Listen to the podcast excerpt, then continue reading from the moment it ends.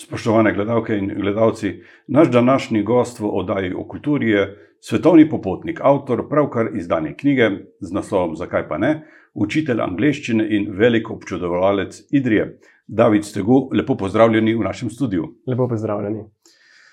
Branje vaše knjige z naslovom Zakaj pa ne je pravzaprav pravo razkošje, saj popeljete bralca od domačih hribov okoli Škofje Loke do Nepala v Himalajo, med Indijance v Ameriko, eh, vmes pokukate še v Idrijo. Kaj vas pravzaprav žene po svetu? Ja, zdaj, prvo kot prvo bi rekel, me veseli, če je to videno kot razkošje. Osebno mi je bilo zelo pomembno, da ne gre zgolj za neko potopisno pripoved, ampak tudi, da čim bolj uspešno, bom rekel, vnašam te svoje doživetja, svoje izkustva v te pripovedi ki seveda vsako potovanje potem um, temu primerno tudi nadgradijo. Tako da, kaj me žene po svetu, želja po seveda raziskovanju novih uh, krajev, uh, srečevanju ljudi iz različnih kultur in pa seveda ob tem tudi vsi procesi, vse znanje. Uh, vse, rekel, tudi veščine, ki jih lahko pridobiš, če seveda kot popotnik uh, poskušaš čim bolj pazljivo opazovati uh, okolico ljudi, In pa sem in tja tudi obrati kakšno pot, ki ni najbolj konvencionalna. V mislih imam, recimo, da ne greš samo na tiste najbolj turistične destinacije, ampak se kdaj načrtno odpraviš tudi na kakšen kraj, ki je manj znan. V mladih letih ste najbrž najprej raziskovali okolico Škofje Loke, eh, kot študent pa ste izkoristili možnost in ste en semester eh, prebivali v Združenih državah eh, Amerike, v kraju Edmond, ki leži v predmestju Oklahoma City. Zakaj pravzaprav prav ta univerza?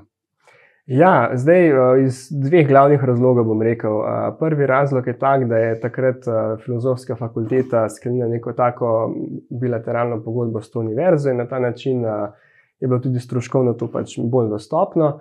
Poleg tega me je pa veselilo, da ni šlo za neko univerzo v kakšnem večjem kraju, seveda, kjer seveda so prisotne vse kulture, pa ne, da, ne bi, imel, da bi imel kaj proti ostalim kulturam, sploh ne, ampak želel sem si res občutiti tisto pristno Ameriko, ki je pa nekako bolj prisotna v teh manjših mestih, v tako imenovanem ameriškem Heartlandu, to je ta osrednji pas. Eh, te zvezdne države, od um, Severne Dakote pa do, do Teksasa, in Oklahoma je severno od Teksasa, tako da se mi je zelo dopadla tudi lega. In pa zelo blizu je bil tudi ta uh, del ZDA, jugozahod, ki ga nekako tradicionalno najbolj povezujemo s temi westerni in nasplošno z ameriško identiteto. In tudi z Indijanci, tam ste spoznali njihovo kulturo, način življenja in tudi njihove tragedije. Tako je, drži. V tem pasu sem že takrat, ko sem bil torej na izmenjavi v Oklahomi, imel možnost obiskati Komanče. To je pleme, ki ima pač svoj štab, če tako rečem, v zvezdni državi Oklahoma. Tam sem se srečal z njihovim poglavarjem, sem imel zelo zanimiv pogovor za neko nalogo, ki sem jo mogel v okviru študija opraviti. Potem pa čez nekaj časa. Um, rekel, kakšno leto kasneje, sem pa res šel malo bolj severno, v Minnesoto in Južno Dakoto, kjer pa sem se Indijancem pridružil na enem prav posebnem potovanju, če tako lahko rečem. Potovanje na rekovajih, ker je bil mnogo več kot zgolj potovanje. Ja, gre za tak spominski pohod, spominsko ježo. Eh, v spomin na 38 eh, pobitih Indijancev, Eh, let, pred 152 leti so belci zagrešili ta velik skupinski pomor. Eh, ta ekspedicija eh, traja več tednov. To je bilo najbrž posebno doživetje, živeti s temi indijanci na tej poti. Ja, vsekakor. Mene je navdušilo najprej dejstvo, da kaj takega sploh obstaja. Veste, jaz, ko pa kot študent anglistike, amerikanistike, sem mislil, da pač vem nekako večino stvari, ki se na tej zanimivi celini Severne Amerike odvijajo, ampak potem sem pa po naključju zvedel za ta spravni proces, če tako rečem, me je navdušilo. Ampak ker po svoje logično gledano, indijancem tega ne bi bilo treba začeti, bi mogli to pač. Če rečem, bili američani um, začeti tak proces, ampak že to dejstvo me je nekako spodbudilo k temu, da Ja, sem se jim pridružil, ker me je izredno nagovorilo. Tega jim ne bi bilo treba storiti. Seveda, potem tekom te, ste rekli, ekspedicije ali pa bom rekel, spravne ježe, je bilo ogromno nekih dogodkov, ki so me globoko zaznamovali, tako na duhovnem, fizičnem, pa tudi vseh nivojih vmes, če tako rečem. Navdušilo me je najbolj res to, da oni popolnoma um, mirno vnašajo to duhovno komponento v vsakdanji pogovor, v druženje, v razmislek, uh, ko se pogovarjajo o teh in drugačnih tematikah v svetu. Ampak to ne dojemajo pač kot neko prisilo ali nekaj, kar je že staromodno, nasprotno. V bistvu ta komponenta jim je pomagala, da so kot pleme nekako svojo identiteto um, ohranili do današnjih dni, ker pritisk asimilacije je bil strahovit. Tako da v tem so izredno uspešni, ustrajni, po drugi strani je pa zanimivo, ker so enostavno popolnoma enaki nam. Ne, ko ni nekih obredov, nekih um, teh njihovih posebnih običajev, so oblečeni popolnoma enako kot mi. mi. Jaz sem šel s parimi indijanci, recimo smo si šli pogledat hobita uh, v kino. Um, so se potem aheca, so rekli, da se pet, ti si samo eden, a te je strah, ko se je vse ugasnilo. Ampak uh, popolnoma, če tako rečem, normalni ljudje, seveda, uh, z to močno komponento duhovno, ki jo negujejo, pestujejo in um, ja, je velik del njihove identitete. Indijanci so tudi vas spoznali kot zelo zanimivo osebnost. V knjigi tudi pišete, da so vas ob koncu te ekspedicije, da so vam nadeli na, na ime Bojevnik. Ja, to je kar tak. Um, moram priznati, da sem bil vesel tega naziva. To se je konkretno zgodilo po tistem, ko sem del te ježe tudi sam prejahal z njimi. Uh, bilo je to kar močno doživetje, pa zdaj ne bi uh, razkril preveč, da tukaj uh, ne posredujem nek, kot se reče, sedaj kvarnik za knjigo. Um, bilo je pa tako, ja, po tisti ježi, ko so videli, da sem se jaz potrudil čim bolj, kot sem se ne lahko, uh, smo se zvečer zbrali torej pri večerji. Sledil je nagovor enega izmed voditeljev in tam je, bo rekel, to besedo izpostavil, Uh, jaz osebno pri sebi tisti hip sem rekel, da se si nisem zaslužil tega, glede na to, kako sem se jaz v bistvu tam lovil, če tako rečem, v sedlu. Ampak potem, kasneje, tudi z nekaterimi sem se že potem pogovarjal, pa sem videl, da v bistvu je ta indijanec zelo zrelo, ta voditelj zelo zrelo to besedo uporabil v, v smislu, da uh, torej bojevnik. V smislu, da sem bil v nekem, neki situaciji, v nekem okolju, ki mi je bila prej tuja, sem ta izziv sprejel, se z njim soočil in ga potem tudi kar se le da dobro opravil. Tako da ta termin bojevnik je lahko uh, popolnoma na mestu za vsakogar. Ni treba nujno indijancem, vsak na svojem področju lahko ta izraz pridobi. E, pomemben del vašega življenja so tudi gore. Odraščali ste v Škofiloki, ki je okrožena e, z vršaci. E, leta 16 ste se odpravili na 6461 metrov visoko goro Mer Pik v Nepalu. Himalaja vas je zanimala bojda že od malih nog. Ja, seveda, Himalaja kot nek, um, neko, bom rekel, skrivnostno območje, kjer so vse te najvišje gore, to jaz mislim, da je uh, vsakega na nek način uh, zanima. Zdaj, seveda, pa vprašanje, koliko intenzivno. Uh, prej, ko ste rekli od malih nog, um, bi morda dodal samo še to, da aktivneje sem začel gore zahajati relativno pozno, ne, v začetku študentskih let. E, zdaj si želim, da bi lahko pač, da bi že prej, tako da spodbuda tudi, bom rekel, mlajšim gledalcem, predvsem, a, če imate možnost, že tudi prej, zelo svetujem, da nekako gore probate spoznati, jih vzeti za svoje, ker vas lahko veliko naučijo. No, potem, kar se pa mera pika tiče, je bilo pa tudi zadeva zanimiva ker je prišla dokaj zgodaj v tem, bom rekel, času, ko sem bolj intenzivno povezan z gorami. Predvsem me je pa zanimala ta, kako se bom na tej višji nadmorski višini torej znašel. To je bila ena velika neznanka, in pa še posebej me je vleklo tja, ker um, je pač Mera Pik na lokaciji, kjer se vidi to glavno himalajsko hrbtenico. Videl se je kar 5-8 tisočakov iz vrha in sem si želel to s svojimi očmi videti. Voditelja odprave sta bila Marija in Andrej Štremfeld. Drži, drži. Prva liga, pravzaprav. Ja, seveda. Veste, jaz uh, imam veliko spoštovanja do obeh. Um, eno je to, kar sta ona dva dosegla, čisto v smislu dosežkov odprav. Um, to je, kot ste rekli, pravilno prva liga. Po drugi strani pa tudi to, da zdaj bom zelo po domače povedal, ampak imate tukaj pošlihtane zadeve, če uporabim ta izraz. In bolj in bolj, ko sem se loteval tudi sam pač tega izziva, ki je bil pač neprimerno manjši kot njihove glavne ekspedicije, ampak vseeno intenziven, sem videl, da ta psihološka komponenta, če zdaj tako rečem, je res izrednega pomena. Um, osebno bi rekel, še bolj pomembna za funkcioniranje na visoki nadmorski višini.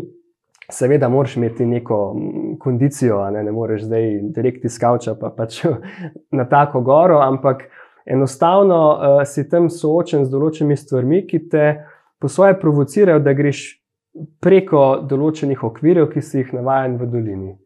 In če to nekako uspešno storiš, gora ti te izzive postopoma torej daje, um, lahko torej se na koncu veseliš uspeha. Ne povem, da ni nujno, da je to vedno vrh, ne da stremiš k temu, ampak že to, če samo sebi veš, da si naredil vse, kar pa si lahko v določenih okoliščinah, je to velik uspeh. V knjigi opisujete tudi vaše priprave, in zelo zanimiva mi je bila eh, rekel, pripoved v tistem delu, ko eh, pišete, da niste hoteli pogledati fotografij teh vršacev, eh, ker ste želeli ta občutek doživeti neposredno, prvič, ko boste stali tam. To se vam je uresničilo. Ja, se je, se je. In sem zelo hvaležen, da sem se za to odločil. Uh, ko smo se dobili v Škofi Loki na, na pripravah, uh, je takrat Andrej pokazal na PowerPointu neko to rečemo drsnico, kjer je, bil, kjer je bila slika z vrha Mera Pika. To je Everest, Makalu, Loce. Tako in pa tudi Čoju se je videl v zadju, te 8000 čaki. Uh, jaz sem takrat usmeril pogled ven proti Selški Sori, ki teče mimo Škofijološke gimnazije, kjer smo se za ta srečanje dobili. Um, in sem se skoraj še sam sebi mehen smejal, kaj takrat počinem. Ampak, ko je šlo pa za res, ko smo bili tam in ko smo prvič s svojimi očmi, je bilo doživeti neprimerno bolj globoko. Iz tega naslova lahko spodbudim tudi, um, rekel, vsakogar, da ko gre na določeno turo, na nek, na nek uspon, seveda je že odgovorno, da se seznanimo približno z glavnimi informacijami in vse, ampak ne, ne pa se narediti eh, proti usluge, da pogledamo vse že naprej, vse slike, GPS. Oduzame čar, zelo oduzame čar. Če tega ne naredimo, potem je ena tako majhna stvar, ki se nam sploh ne zdi nekaj velikega, kot naprimer ne vhod v neko novo sotesko ali pa nek, eh, nek greben, na katerega dospemo, posebno doživetje. Tako da tukaj eh, sem zelo. Um, Kaj bi rekli temu old school, ampak uh, veliko krat se izkaže, da ta old school pristop je učinkovit in tukaj definitivno je bil in sem bil zato zelo hvaležen. Veliki napori, velike priprave, uh, velika pot. Eh, na vrhu pa 10 minut in potem povratek. Ja, tudi o tem eh, v bistvu pišem, ker eh, to je res. Spet tukaj ni veliko logike, bomo rekli. Pot, priprave, kot ste rekli, potem pa 10-15 minut, malo je temu botroval mrz, pa veter, ki je poskrbel za to, da smo kar hitro obrnili. Nekatere ne so tudi takrat spričo višine. Um, bolel želodec, glava in vse ostale stvari, tako da smo uživali v zidu, potem smo se v razgledu in smo se potem obrnili. Uh, in je prišla, eh, torej, tista ugotovitev se je izkazala za pravilno, ko je res pot doživetje, vsi ti procesi so na nek način lahko celo bolj pomembni kot vrh, kot končni dosežek. Ne? Pri katerem koli projektu, konec koncev, ker kot sem rekel, ni nujno, da dosežeš vrh, ni nujno, da z nekim projektom zmagaš, to je vedno malo, vsaj do določene mere je to pod vprašanjem. Ampak v vsakem primeru pa daš skozi nek proces, se trudiš, s tem veliko pridobiš. In v luči tega se mi zdi uh, to, da so bili na vrhu 10-15 minut, po svoje pomenljivo, ker se je izkazalo, da je res pot na bilo katerem področju bolj pomembna od cilja. E, po povratku v dolino ste ostali v Nepalu še 2-3 tedna. Eh, tam ste pa do, najbrž dobili pravi stik z domačini, z načinom življenja, z njihovo pokrajino. Tako, tako. Načrtno sem rekel, večina ostalih, oziroma vsi ostali, no, so se potem vrnili v Slovenijo. Mi smo se super razumeli v tisti ekipi, ampak eh, sem rekel, za pristno doživetje uh, Nepala pa bo najbolje, če se jaz odpravim torej sam, zdaj še malo na njihovo podeželje in tam vidim, kako ljudje živijo. Sam interes je bilo treba mečkam tudi zanjati, ker tudi angliščine nekateri niso znali. Um, bili so še drugi izzivi, zopet jih je v knjigi potem kar nekaj navajal. Mene osebno je pa predvsem navdušil tisti del, ko sem potem imel možnost tudi nekaj časa kot prostovoljec delovati na eni izmed šol v Pokari, to je drugo najvišje, ne, pardon, največje mesto v Nepalu.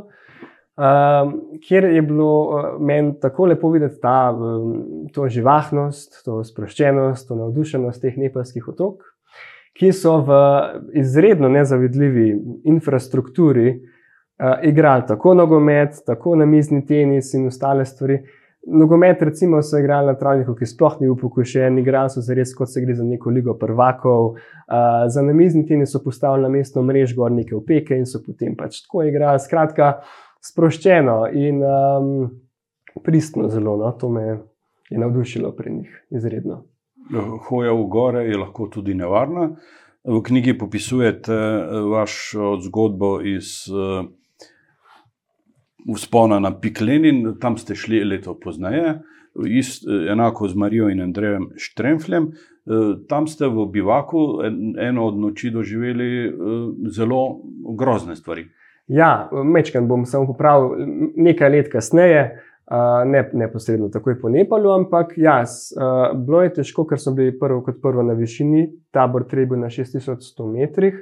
Um, in ujela nas je torej snežna nevihta, Uh, kjer pa res začutiš no, svojo majhnost, če tako rečem, pa tudi nemoč. Uh, to je bilo zdaj seveda izziv, nekako uh, doživeti, se tega lotiti.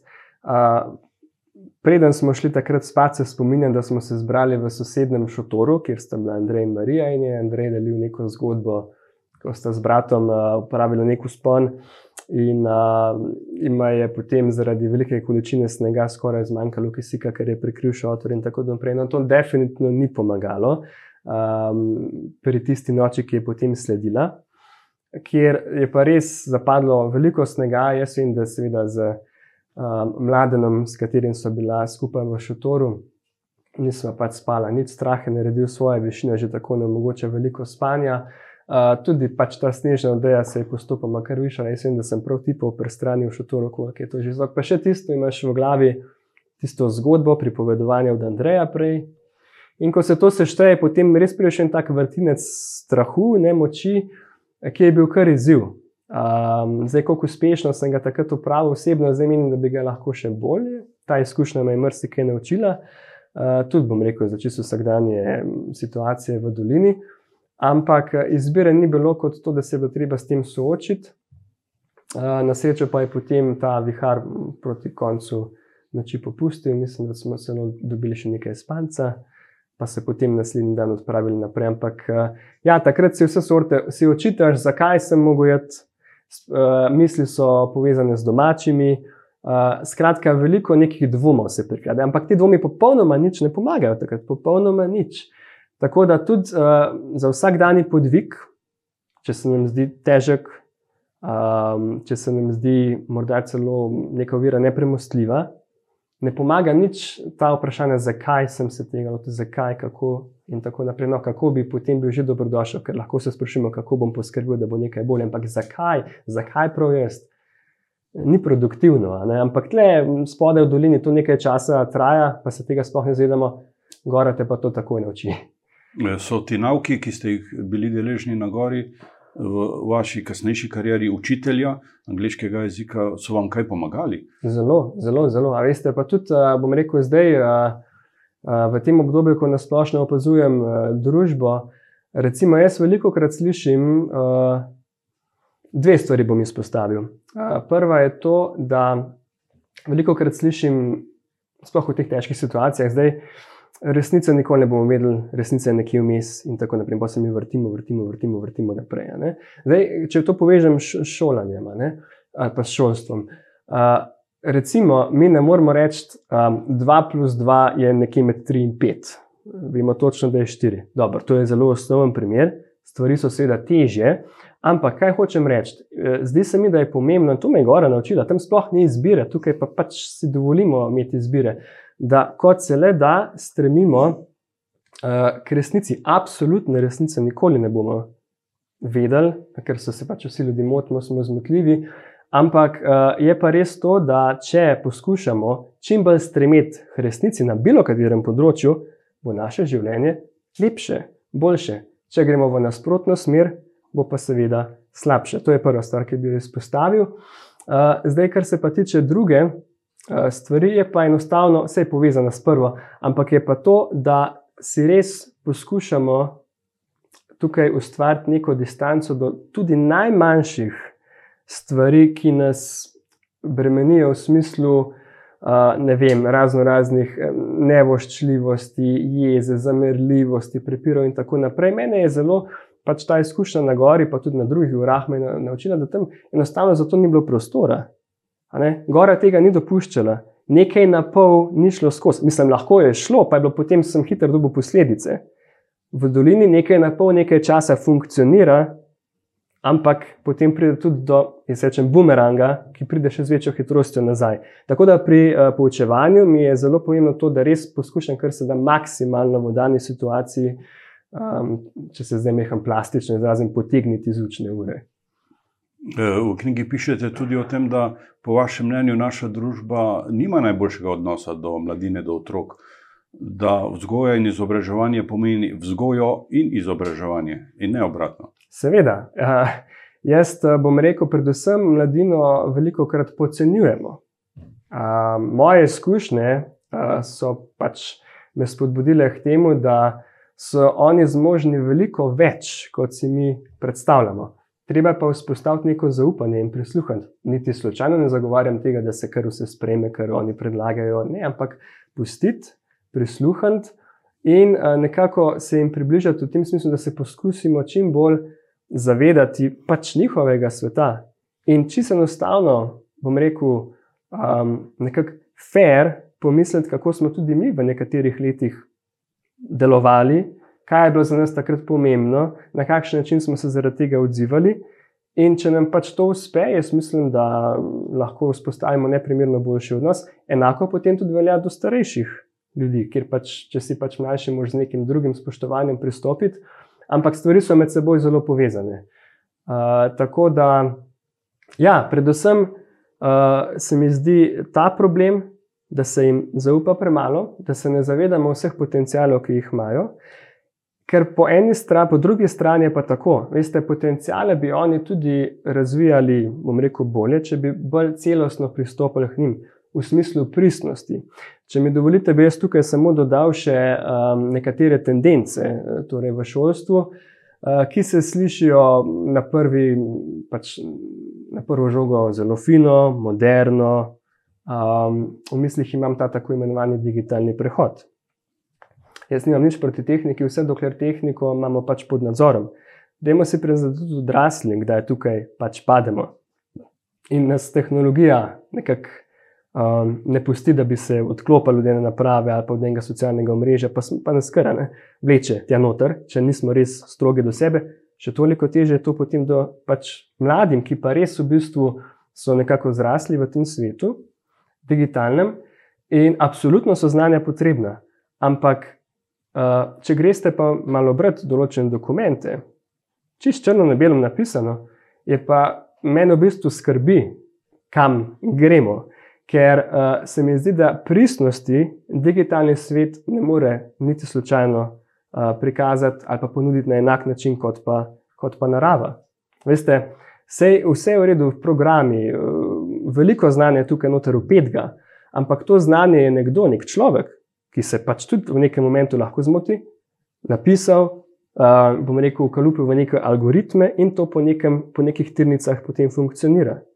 Zunaj, v naravi, tle imate prekrasne griče, gozdove, vse okrog vas, je pa to, ta pestrost in pristnost še neprimerno večja. En list ni enak drugemu, recimo. Je pa res, da je toliko bolj nepredvidljivo okolje. Ampak, dajmo se iskreno vprašati, tudi življenje je zelo nepredvidljivo.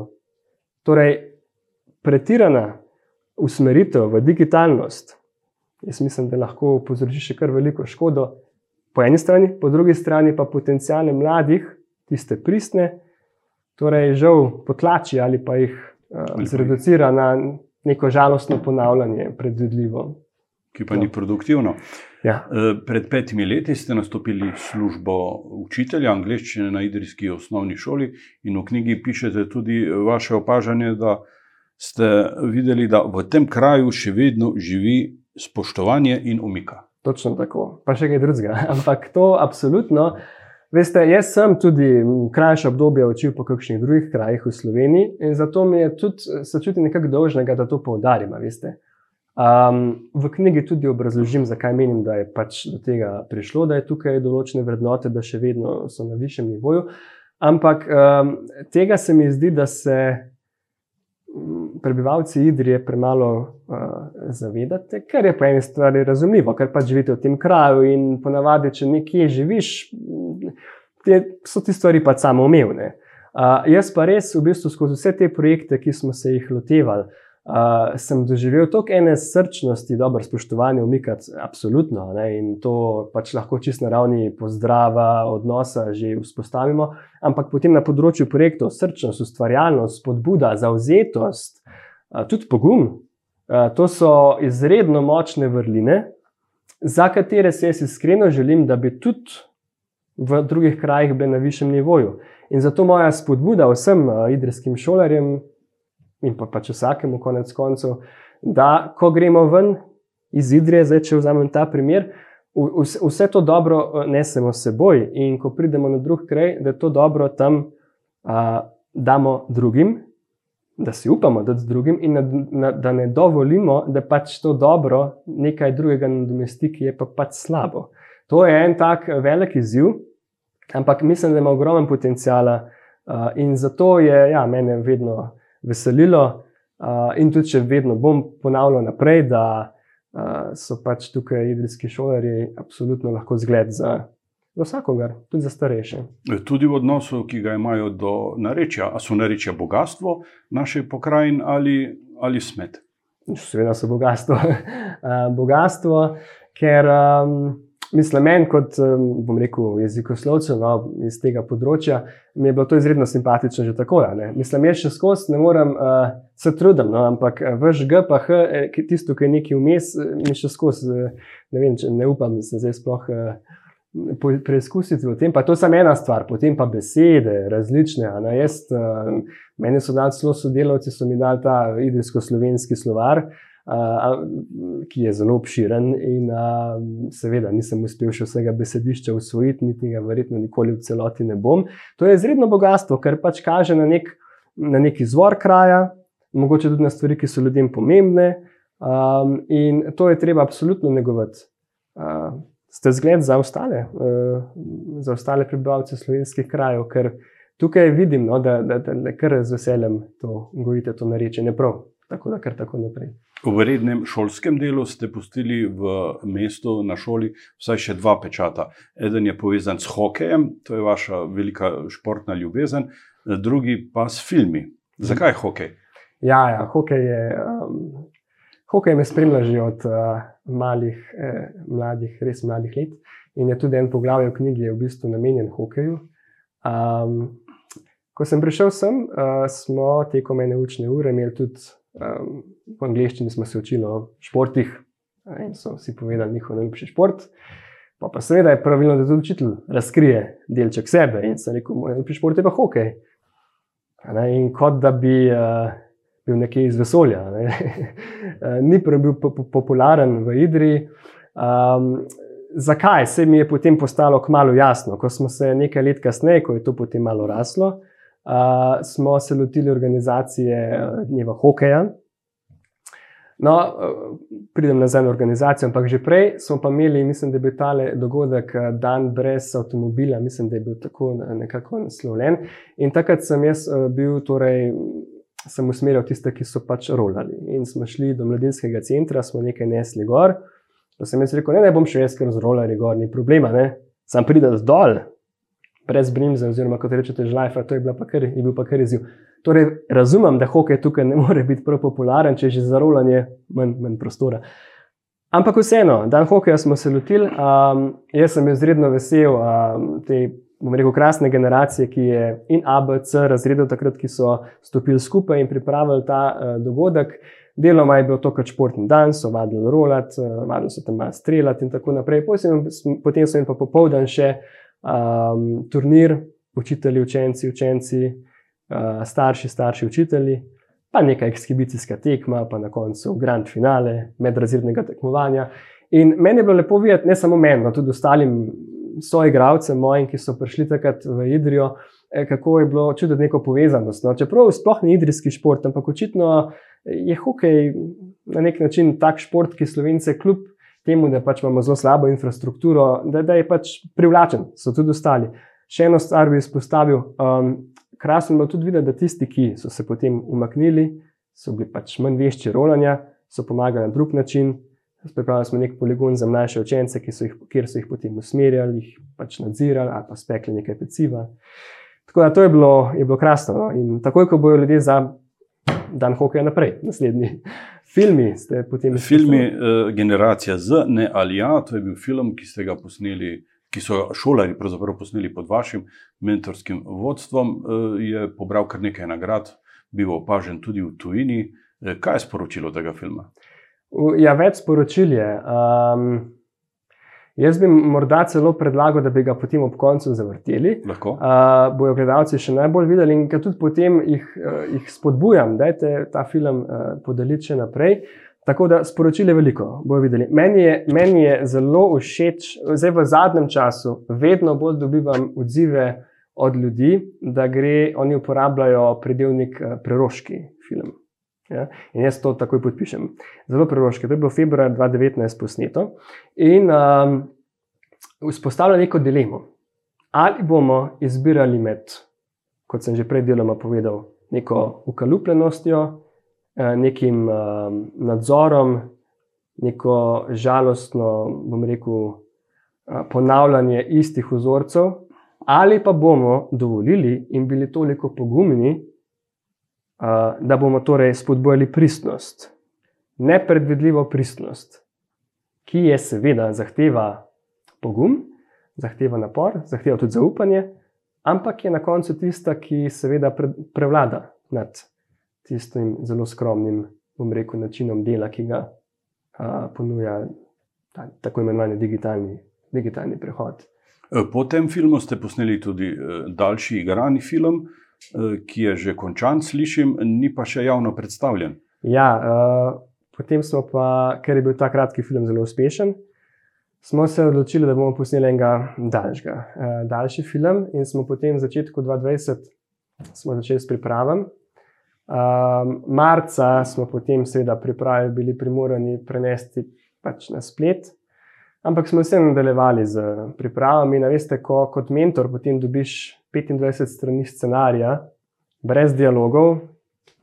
In tako daš pa vse od sebe, mi rečemo, da je 120%, ne, da se to realizira. In želja je res velika, in izjemno vesel, da smo to lahko posneli, ker že leto 2020 je bilo kar, bom rekel, napeto. Uh, tukaj bi samo izkoristil priložnost in se bi zahvalil osnovni šoli Idrija, absolutno najprej za vso podporo. Uh, potem pa tudi, no, moram res reči, vsem staršem, ki so nam takrat pač, bom rekel, šli naproti s pomočjo bodi si logistično, ali pa tudi samo, bom rekel, podporo, ki je meni in verjamem tudi ostalim pomenila ogromno. Na takrat so bile že mehke napete razmere, ampak a, dejstvo, da sem jaz to zaupanje z njihove strani čutil, je bilo eno ogromno, um, ena ogromna motivacija, da smo probali res čim bolje to narediti. Pa da ne naštevamo vseh ostalih, ki so tudi pomagali. Policisti, gasilci, res izjemno uh, lepo je bilo sodelovati z vsem. Tako da, kot ste rekli, ja, film je končan, um, ampak čakamo še na primeren trenutek. In uh, me veseli, da tudi v bistvu ta ekipa, mi smo imeli v ekipi igralce, scenaristke uh, in pa snemalce, oni so zdaj že v srednji šoli, uh, razumejo marsikaj v tem času. In uh, veste, mi smo snemali film o teh pristnih, normalnih stvarih, prijateljstvo, znanje, šola, narava, tudi Idrija kot pač domači kraj.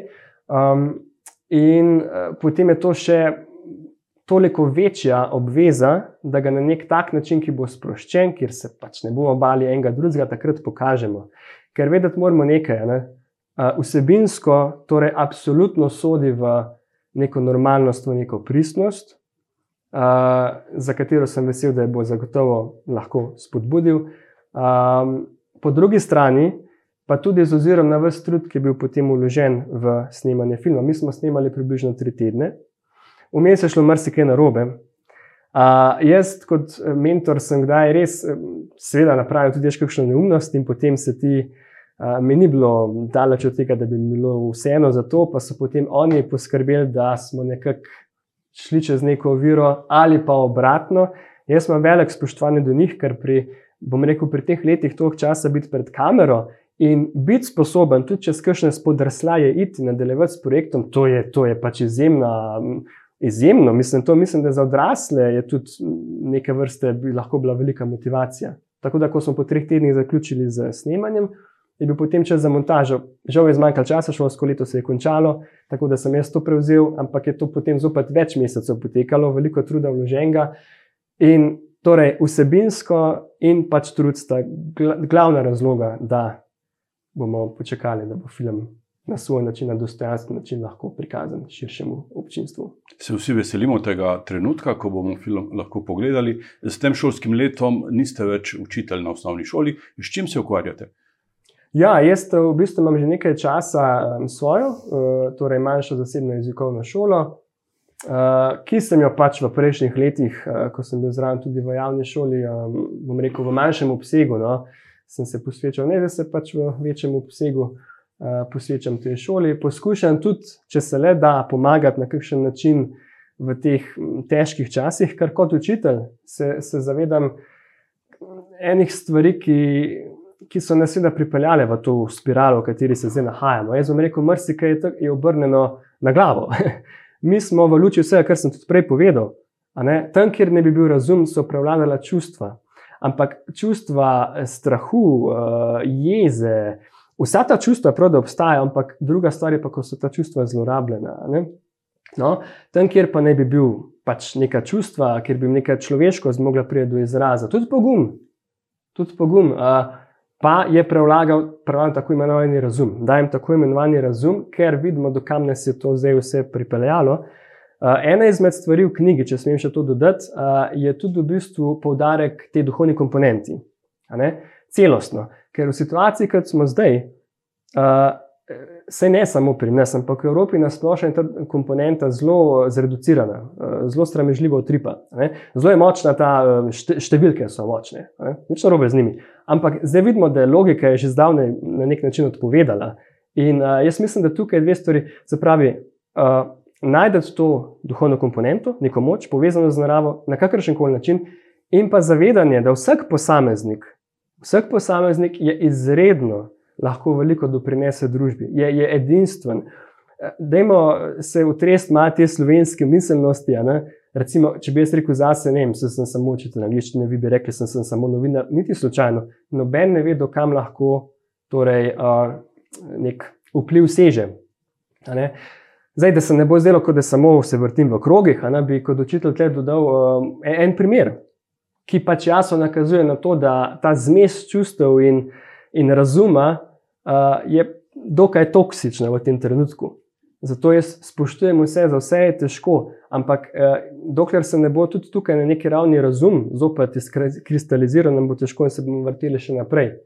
Uh, jaz bi dal zelo počasen in spoštljiv en primer, če dovolite, da lahko to malo bolj ilustriram, ker hočem povedati, da če bi bilo nekega znanja več, znanje je vedno pozitivno, vedno pozitivno, bi tudi teh težkih čustev bilo manj. Uh, jaz bom tako rekel, recimo, uh, da če spočasno šel po šolsko, če ste vi krasen košarkar, mislim, pač odlično igrate košarko, boste šel v ligo NBA. če igrate dobro, mislim, odlično hokej, boste šel v ligo NHL. Če pa ste odličen znanstvenik, boste pa pisali za revijo Nature zelo znana znanstvena revija. No, in dal samo en tak uh, podatek. Oni so že novembra 2020, 20. novembra 2020, izvedli uh, ogromno, ogromno študijo v Wuhanu na Kitajskem, kjer so vzeli 10 milijonov ljudi, vzorec 10 milijonov, petkratnik Slovenije, tako rekoč. Uh, naše ankete so par sto, par tisoč in je to. Petkratnik Slovenije, objavljeno v Nature. In takrat so v bistvu oni zaključili, prišli do spoznanja, da v desetih milijonih, celem tem vzorcu, ni, bi bilo, ni bilo, če dam za en primer, enega primera, kjer bi nekdo, zdaj že poznamo te izraze, asimptomatsko prenašal okužbo. Se ne bom šel naprej, ampak veste, tak podatek, če bi več ljudi to vedeli, a, to, to je izjemno pomenljivo. absolutno pomembno stališča znanja, in pa tudi, bom rekel, vsega strahu, ker strah, zopet se vračam na knjigo, strah do neke mere, seveda, da ne narediš ti neumnosti, ampak če se v strahu vrtiš, je samo slabše. Prej ste me pa vprašali po izkušnji, tabor 3, snežna nevihta. Če bi, se, če bi tisto eskaliralo, eh, to, da je bilo mene strah, ne bi popolnoma nič pomagalo. Pomagalo bi to, da bi jaz razmislil, kaj v dani situaciji lahko naredim. In potem, če bi, ne vem, mogel iti ven iz šotorov, da bi imel pripravljeno opremo, pripravljeno oblačila, tisto vrtenje v strahu, ni pa doprineslo ničemur. Žal je to naša realnost. Ta trenutek, bodimo optimistični, tako, da so pred nami boljši časi. Eh, David Stego, čestitam vam za izdajo knjige, za, za ta napor, eh, da ste jo sestavili in napisali. Eh, hvala za obisk v našem studiu in srečno. Hvala tudi vam za to možnost pogovora. Vsem gledalcem pa, kot ste tudi sami izpostavili, optimistično naprej in pa pogumno. E, spoštovani gledalci, hvala za pozornost e, pri ogledu tega dela najnega pogovora. Sedaj pa predlagam, da si skupaj pogledamo še mladinski film, ki so ga posneli idrijski šolari pod mentorskim vodstvom mojega današnjega gosta, Davida Steguja. Srečno!